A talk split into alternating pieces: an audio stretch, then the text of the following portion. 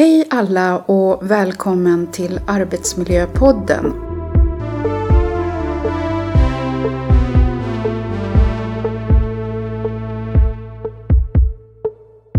Vi ska inleda det här året med en liten serie som framförallt är, ja, som alltid kopplat till arbetsmiljö. Men vi har också ett litet specialområde som vi kopplar på och det är framförallt riktat kring byggbranschen. Så vi tänkte att vi ska ha ett antal intervjuade personer som eh, kommer också koppla sina tankar och idéer just eh, kopplat till byggbranschen. Jag heter Milla Jonsson och det är jag som driver den här podden och jag hoppas att du hänger med på dagens avsnitt för eh, idag så ska vi prata emotionell intelligens och att eh, ledarskapet är otroligt viktigt för en god arbetsmiljö. Och det är inte jag som ska prata om detta naturligtvis utan jag har den stora turen och äran att få hit eh, Cecilia Jonsson som då är expert inom emotionell intelligens som kommer ifrån, jag tänkte du får nog presentera dig själv och eh, vilken bakgrund som du har. Välkommen Cecilia! Ja, eh, tack så mycket. Cecilia Jonsson heter jag. Eh, den korta varianten är att jag är naturvetaren som blev beteendevetare på universitetet. Jag har en socionomexamen och även en del psykologistudier. Sen när jag väl började arbeta så eh, hamnade jag i den högteknologiska branschen. Så jag har jobbat eh, på Chalmers i Göteborg, jag har jobbat inom rymd och försvar och säkerhetsbranschen innan jag började köra i Academy själv. Och jag har även arbetat eh, som personbedömare, alltså i rekryteringsprocesser som en objektiv personbedömare.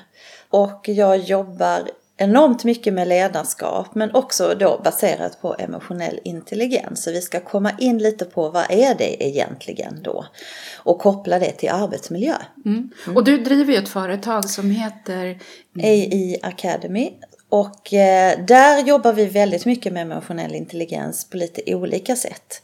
Eh, både genom ledarskap eh, och eh, i organisationer, i grupper, individuellt också. Eh, och vi vill också nå ut till, eh, till allmänheten om den här kunskapen.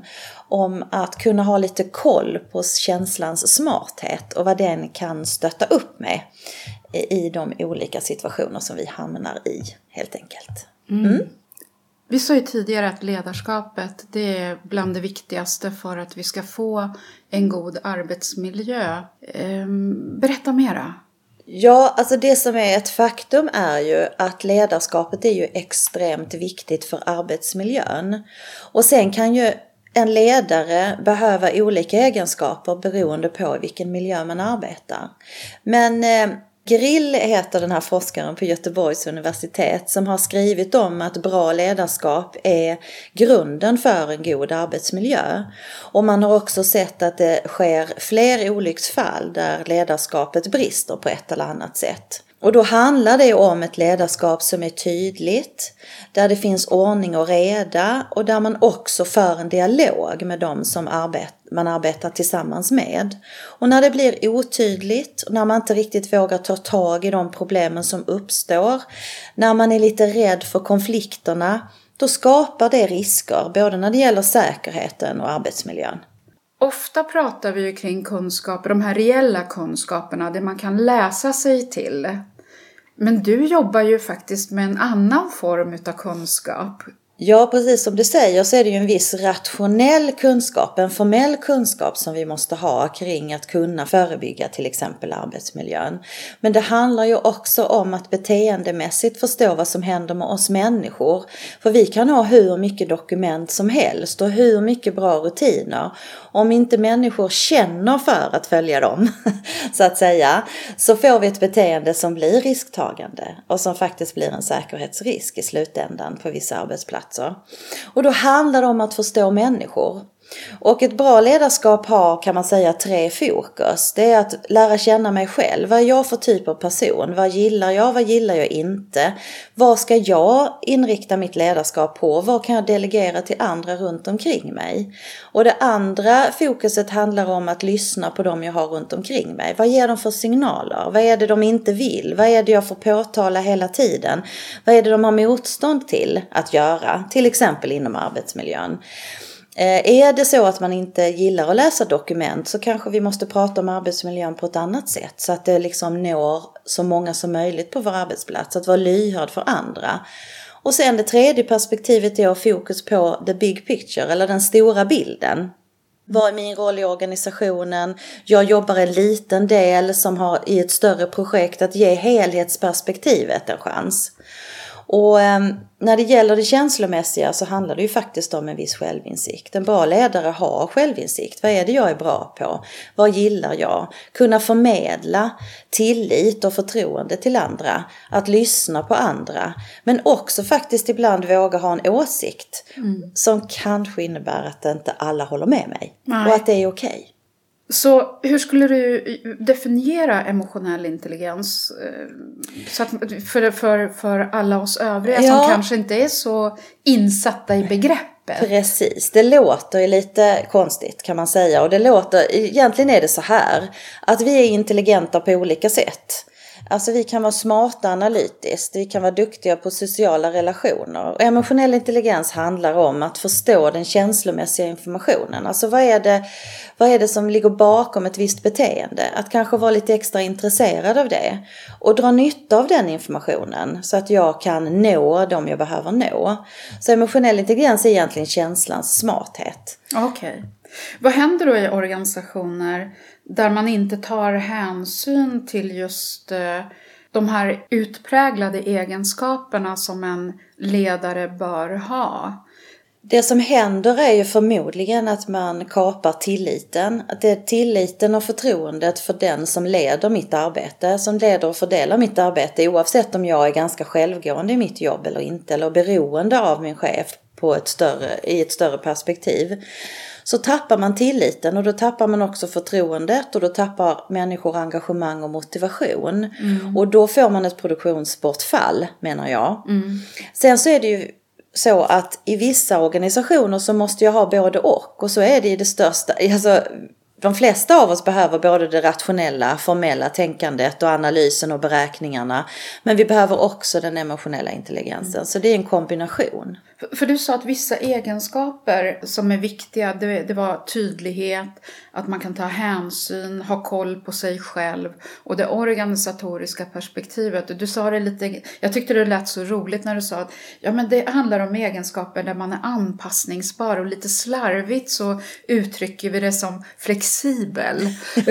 Just det, precis. och, och, och men inte till vilket pris som helst. Och just det här flexibel, det där hängde jag upp mig på lite grann. Hur, hur, menar du då?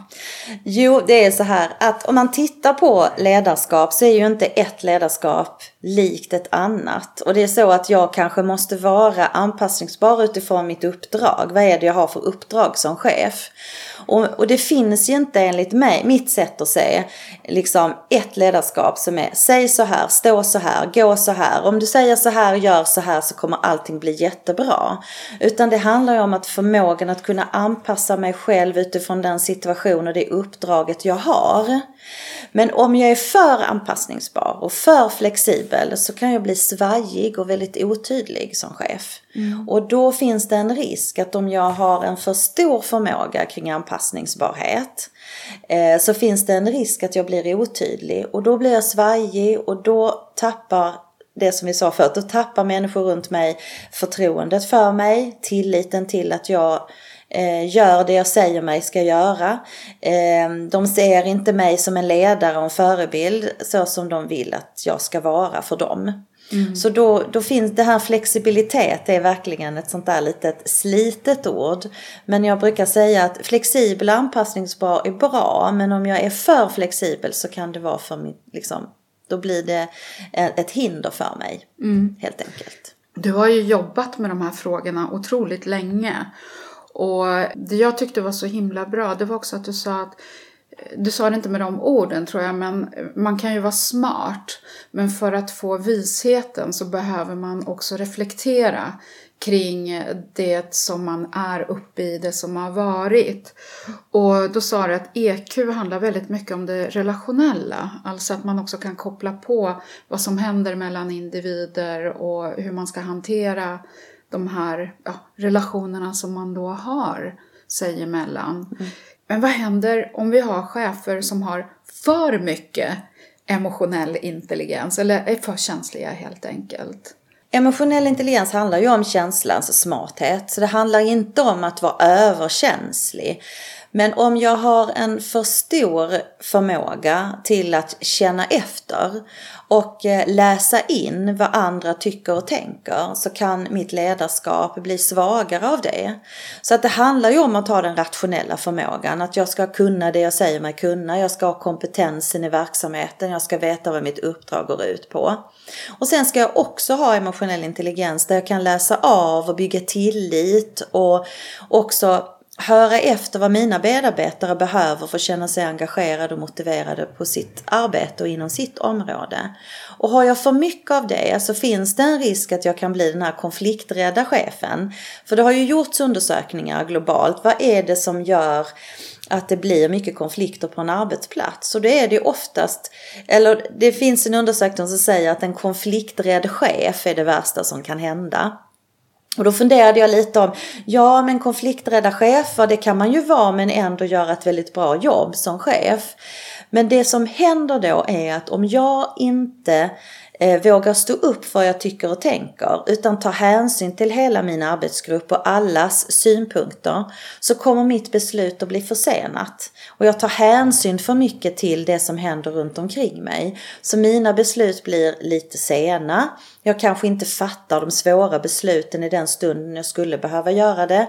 Och då förlorar jag min tillit och mitt förtroende gentemot mina medarbetare. Så när man tippar över och har bara den emotionella biten är inte ett alternativ.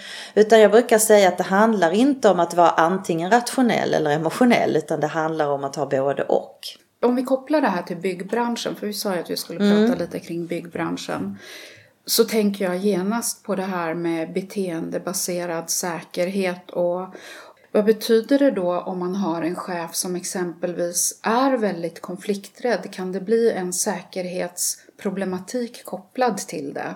Ja, vi skulle ju kunna ta ett exempel att man är på ett bygge där det ska ske någon form av förändring, en avspärrning till exempel. Eller att man har problem med att man inte använder den säkerhetsutrustning som man måste ha för att utföra ett visst arbetsmoment.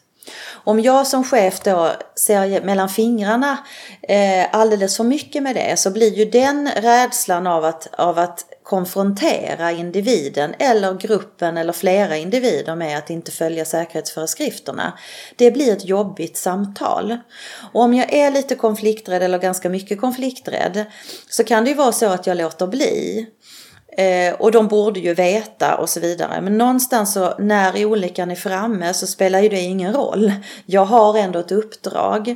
Och sen kan det vara så att rädslan handlar om att jag vill inte ta emot det känslomässiga uttrycket. Jag kanske vet att någon kommer att bli fly förbannad på mig. Jag gillar inte det att bli utskälld inför andra.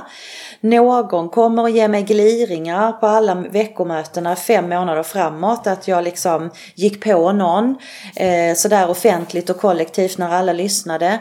Och den rädslan gör att jag låter bli. Och när jag låter bli så följer ju inte jag det uppdraget som jag har, där jag är ansvarig för arbetsmiljön. Så här kan vi typiskt se att när vi blir rädda för känslomässiga reaktioner så handlar det faktiskt mycket om mig själv. Mm. Och, och det är det jag menar att man måste lära sig, vad är det jag tycker är jobbigt och jobba lite med det. Mm. Och faktiskt träna. För att just den här emotionella biten är ju någonting som vi har fått med oss. Det är ju någonting som ingår i vårt beteende som också är fast i vår personlighet och som vi har fått träna på genom livet. Mm. Och att få träna på att bli lite mer tydlig och att det inte är farligt med känslomässiga reaktioner så kommer jag klara av att faktiskt konfrontera när jag behöver göra det. Mm. Och jag kan också vara duktig på att konfrontera på ett sätt som gör det bekvämt för dem jag ska konfrontera. De kanske inte gillar att jag står och skriker på trappan så att alla hör. De kanske vill ta det en och en. Ja men då får jag ta det en och en med dem då. Mm. Och, och vara väldigt tydlig med att det här gör jag inte för att vara taskig. Det här gör jag för att jag har ett uppdrag. Mm. Och då kan man som någon chef faktiskt berättade göra på det sättet att säga att jag vill inte ta det samtalet där jag ringer hem till din familj om att du har skadat dig på arbetsplatsen. Mm. Och, och det är faktiskt det som driver mig plus att jag är ansvarig för arbetsmiljön på den här arbetsplatsen. Så att man kan använda liksom sin, sitt sätt att vara som människa och ändå konfrontera andra. Och det är det som jag tränar ledare och chefer till. Och det betyder ju då att i det här fallet så behöver ju också ledare och chefer bli duktigare på det goda samtalet. Precis. Att kunna mm. eh, ställa frågor och diskutera och agera på olika former utav komplicerade egentligen situationer och frågeställningar genom att ha en säkerhet både i sig själva men också i hur man uttrycker sig. Ja, och det som jag jobbar med mycket det är att jobba med vardagen som pedagogiskt instrument. Alltså folk får ta upp sina utmaningar som de har i sitt arbete och i sitt ledarskap idag. Ehm, och då tar vi upp det och sen så tränar vi lite på hur skulle, hur skulle du vilja göra när du har den här utmaningen som är lite jobbig. Det kan handla om konflikträdsla men det kan också handla om att man har människor som är väldigt provokativa i sin arbetsgrupp. Eller, eller man har kollegor som inte riktigt fångar bollen liksom. Utan att man får ta ansvar mycket mer än vad, vad man kanske ska i vissa fall. Och när man då hjälps åt att lösa de problemen så tränar vi på ett annat ett annat perspektiv och ett annat sätt att göra det på. Så jag arbetar ganska mycket, inte så mycket med case utan jag arbetar ganska mycket med, med vardagen helt mm. enkelt. Mm. Och träna på att ta de olika perspektiven. Också att träna människor att, att vara personliga men inte privata. För att det är också en hemlighet. Eh, ibland så vill man vara väldigt öppen öppen och det är väldigt viktigt när man bygger tillit men man behöver inte öppna upp sig helt och fullt. Man kan bestämma sin egen integritetsgräns och den är olika beroende på vem vi är. Så ledarskapsutbildningarna handlar mycket om handfasta, titta på modeller som finns för till exempel feedback, kommunikation, att hantera konflikter, vad finns det för olika modeller och sen direkt sätta det och omsätta det i sin egen vardag. För, för jag tänker ju ofta när jag, jag menar jag jobbar ju själv med arbetsmiljöfrågor och ibland så får jag en känsla av att när man pratar emotionell intelligens och innebörden utav emotionell intelligens så förstår inte riktigt de som sitter på motsatt sida innebörden av det, hur viktigt det är. Och framförallt för de chefer som har personalansvar, hur viktigt det är med den här kunskapen. Och det finns ju modeller, jag menar vi har ju Karasek Theorells modell om krav, kontroll, stöd och så det, den är ju direkt applicerbar på det här. Mm. Eh, för att också få den här grund, vad ska man säga, tryggheten för varje medarbetare att förstå att när chefen ställer frågor eller gör någonting utifrån vad ska man säga, en klokhet som både tar, tar med hjärta och hjärna, inte bara hjärta och inte bara hjärna, utan man måste kombinera de här två. Ja, då blir det ganska bra, men någonstans så får jag en känsla av att det här pratar man inte så mycket om, den här kombinationen som måste finnas. För det är väl egentligen det som vi också talar om i analysen, mm. lägga på en känsla så får du en vishet. Ja. Precis. Och, och du, du, beskrev också, det var någon studie i USA där man hade tittat på hela personalen. Ja, det var faktiskt en produktionsanläggning eh, som hade tittat och jobbat just med sin arbetsmiljö, olycksfall och tillbud framför allt. Där man hade utbildat hela, alla medarbetare i just den här, det är ju en BBS kan man säga, ja, beteendebaserad säkerhet. säkerhet. Ja. Men också huruvida min emotionella sida och min känsla för vissa saker har stor betydelse. Och när man tittade på det, att få titta på sig själv lite grann, vad, vad är det, är jag impulsiv som person så kanske jag snabbt hoppar på nya saker. Och är jag mer eftertänksam så tar det lite tid. Och då handlar det ju om att förstå hur jag tar till mig kommunikation och information. Och eh, där hade man sett att när man lyfte den här dimensionen och pratade om det med alla så hade faktiskt tillbuden och arbetsmiljöarbetet, alltså alla tillbuden och olyckorna, eller framförallt tillbuden för de hade inte så mycket olyckor, men de hade ju gått ner. För att man hade blivit mer medveten om vad mitt beteende, mitt eget beteende, eh, vad det avgör huruvida det blir säkert eller inte säkert. Och också att vi tar hand om varandra. Att det är inte bara min egen säkerhet utan det här handlar ju om allas säkerhet på den här mm. arbetsplatsen. Och hur viktigt det är att vi kanske bryter något som vi ser i tid. Mm. Så att eh, inte farliga saker inträffar på arbetsplatsen. Och det handlar om den psykosociala arbetsmiljön också. Hur ofta avbryter vi ett gräl? När går vi in när vi känner att det här går överstyr mellan två individer? Eller ska vi låta liksom dem klara av det bråket själv? Och hur mycket gnäller vi och hur trötta blir vi inte när det är vissa människor som sitter och gnäller i kafferummet hela tiden? Varför bryter vi inte det? Det handlar också om ett beteende. Mm. Hur vi är mot varandra. Och om vi aldrig lyfter de frågorna så kan vi inte göra någonting åt det. Men om vi lyfter de frågorna så, så kanske vi kan göra någonting åt det. Mm. Så att alla får trivsamt kring kaffebordet nästa gång. Och då tänker jag som en avslutning för att, alltså det här kan man ju prata om hur länge som helst. Men om vi ska försöka avrunda lite grann så vill jag ändå att vi kopplar på HR och eh, vikten av eh, exempelvis när vi rekryterar chefer. Vad är det HR ska titta lite extra på? Hur bör de tänka när det kommer till, eh, till emotionell intelligens. För de är ju ändå en stödfunktion för ledare och chefer. Precis, och där tror jag att om HR är inblandade i rekryteringen, vilket de är på de flesta företagen åtminstone, det är att titta lite på, ställa frågor kring värderingar, ställa frågor till hur man arbetar med medarbetarna. Hur tänker du kring engagemang och motivation när du nu går in i en ny grupp eller ska leda eh, den här avdelningen?